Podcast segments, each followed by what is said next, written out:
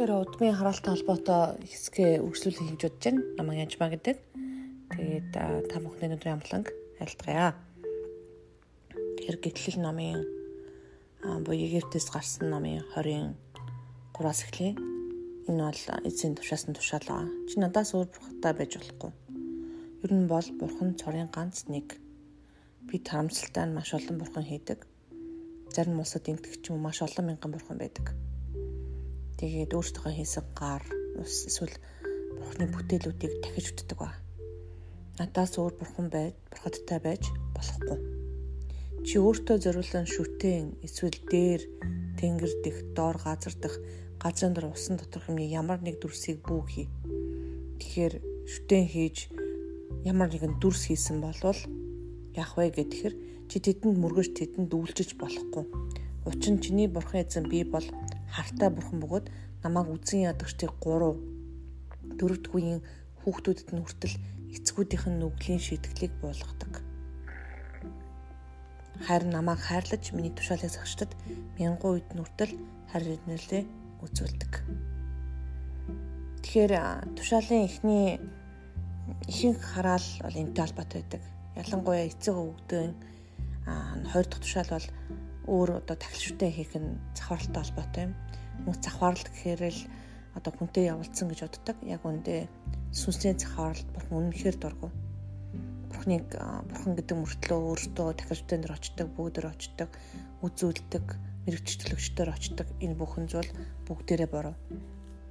Та юм зүйл хийж байсан болоод таны өрөөдөмд хийжсэн эсвэл дээшиг ах トゥ ус чинь дээшиг өмөө уу чинь хийжсэн бол заавал гэмших ёстой гимшигтэй эзнээс эзэмний танаас өөр бухныг яах вэ? Бурхадтай байж болохгүй гэсэн тушаалыг зөрчиж мэдхгүйгээсээ болж тэгжсэн байна. Мэдсэн мөртлөө ч гэсэн бас чатад төхөж үтжсэн бол уучлаараа.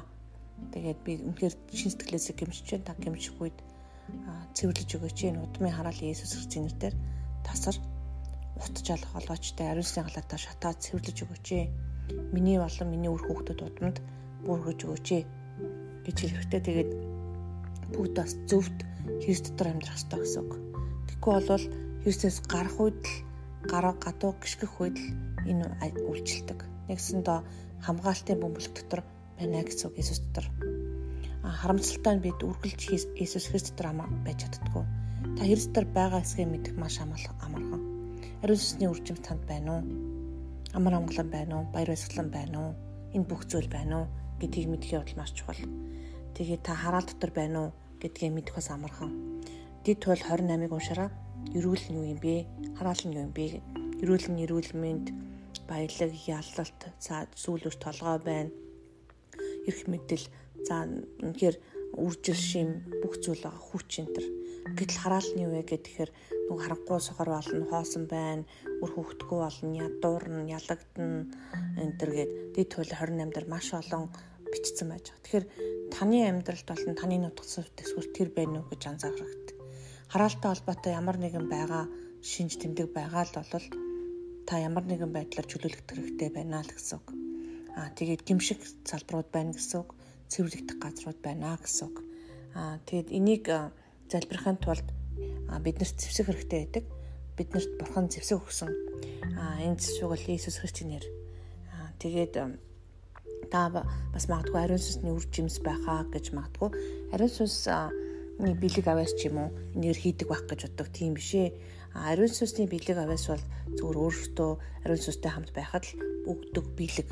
Танд одоо нэг хүн аяг өгсөн бол аяг гитар өгсөн бол гитар мод өгсөн бол мод. Энэ бэлэг зүгээр л таны юу хийсэн хийггүй самараа бурхны нэгүслэр ирдэг бэлэг харин үр жимс бол шал үр зүйл үр жимс бол галаа 5:20-оос хугацаанд ургадаг зүйл хөрсөн дотор нэгсэндээ таны зүрхийг хөрстөө зүрэлдэг бурхан тийм үү. Тэгээ таны хөрс ямар байна? Яг тэрнтэй холбоотой энэ бүхэн гардаг байгаа. Харин сүнсний үржимс нь хайр, баяр, баясгалан, амар тайван, төвчээр, инэрл, сайхан сэтгэл, ихтгэлтэй байдал, төлгөөн зан өөрийгөө зарах байдал юм. Эдгээр эсрэг хул гэж байдаг. Тэгэхээр мэдээж хөрсөндөө ургаж байгаа хугацаанд гардаг. Хугацаанд нэг хугацаа бас орхуу орно. Тийм учраас таны сүнсний одоо бэлэг аваас гэхээс илүү үржимс чинь ямар байна гэдгийг ялхах явдал чухал.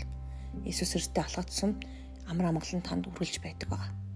Амар амгалангийн тослогоо байхаас гадна амар амгалан ургаж эхэлдэг байгаа. Тэгээ энийг бас амар амгалан танд байна уу гэдгээсээ хараараа.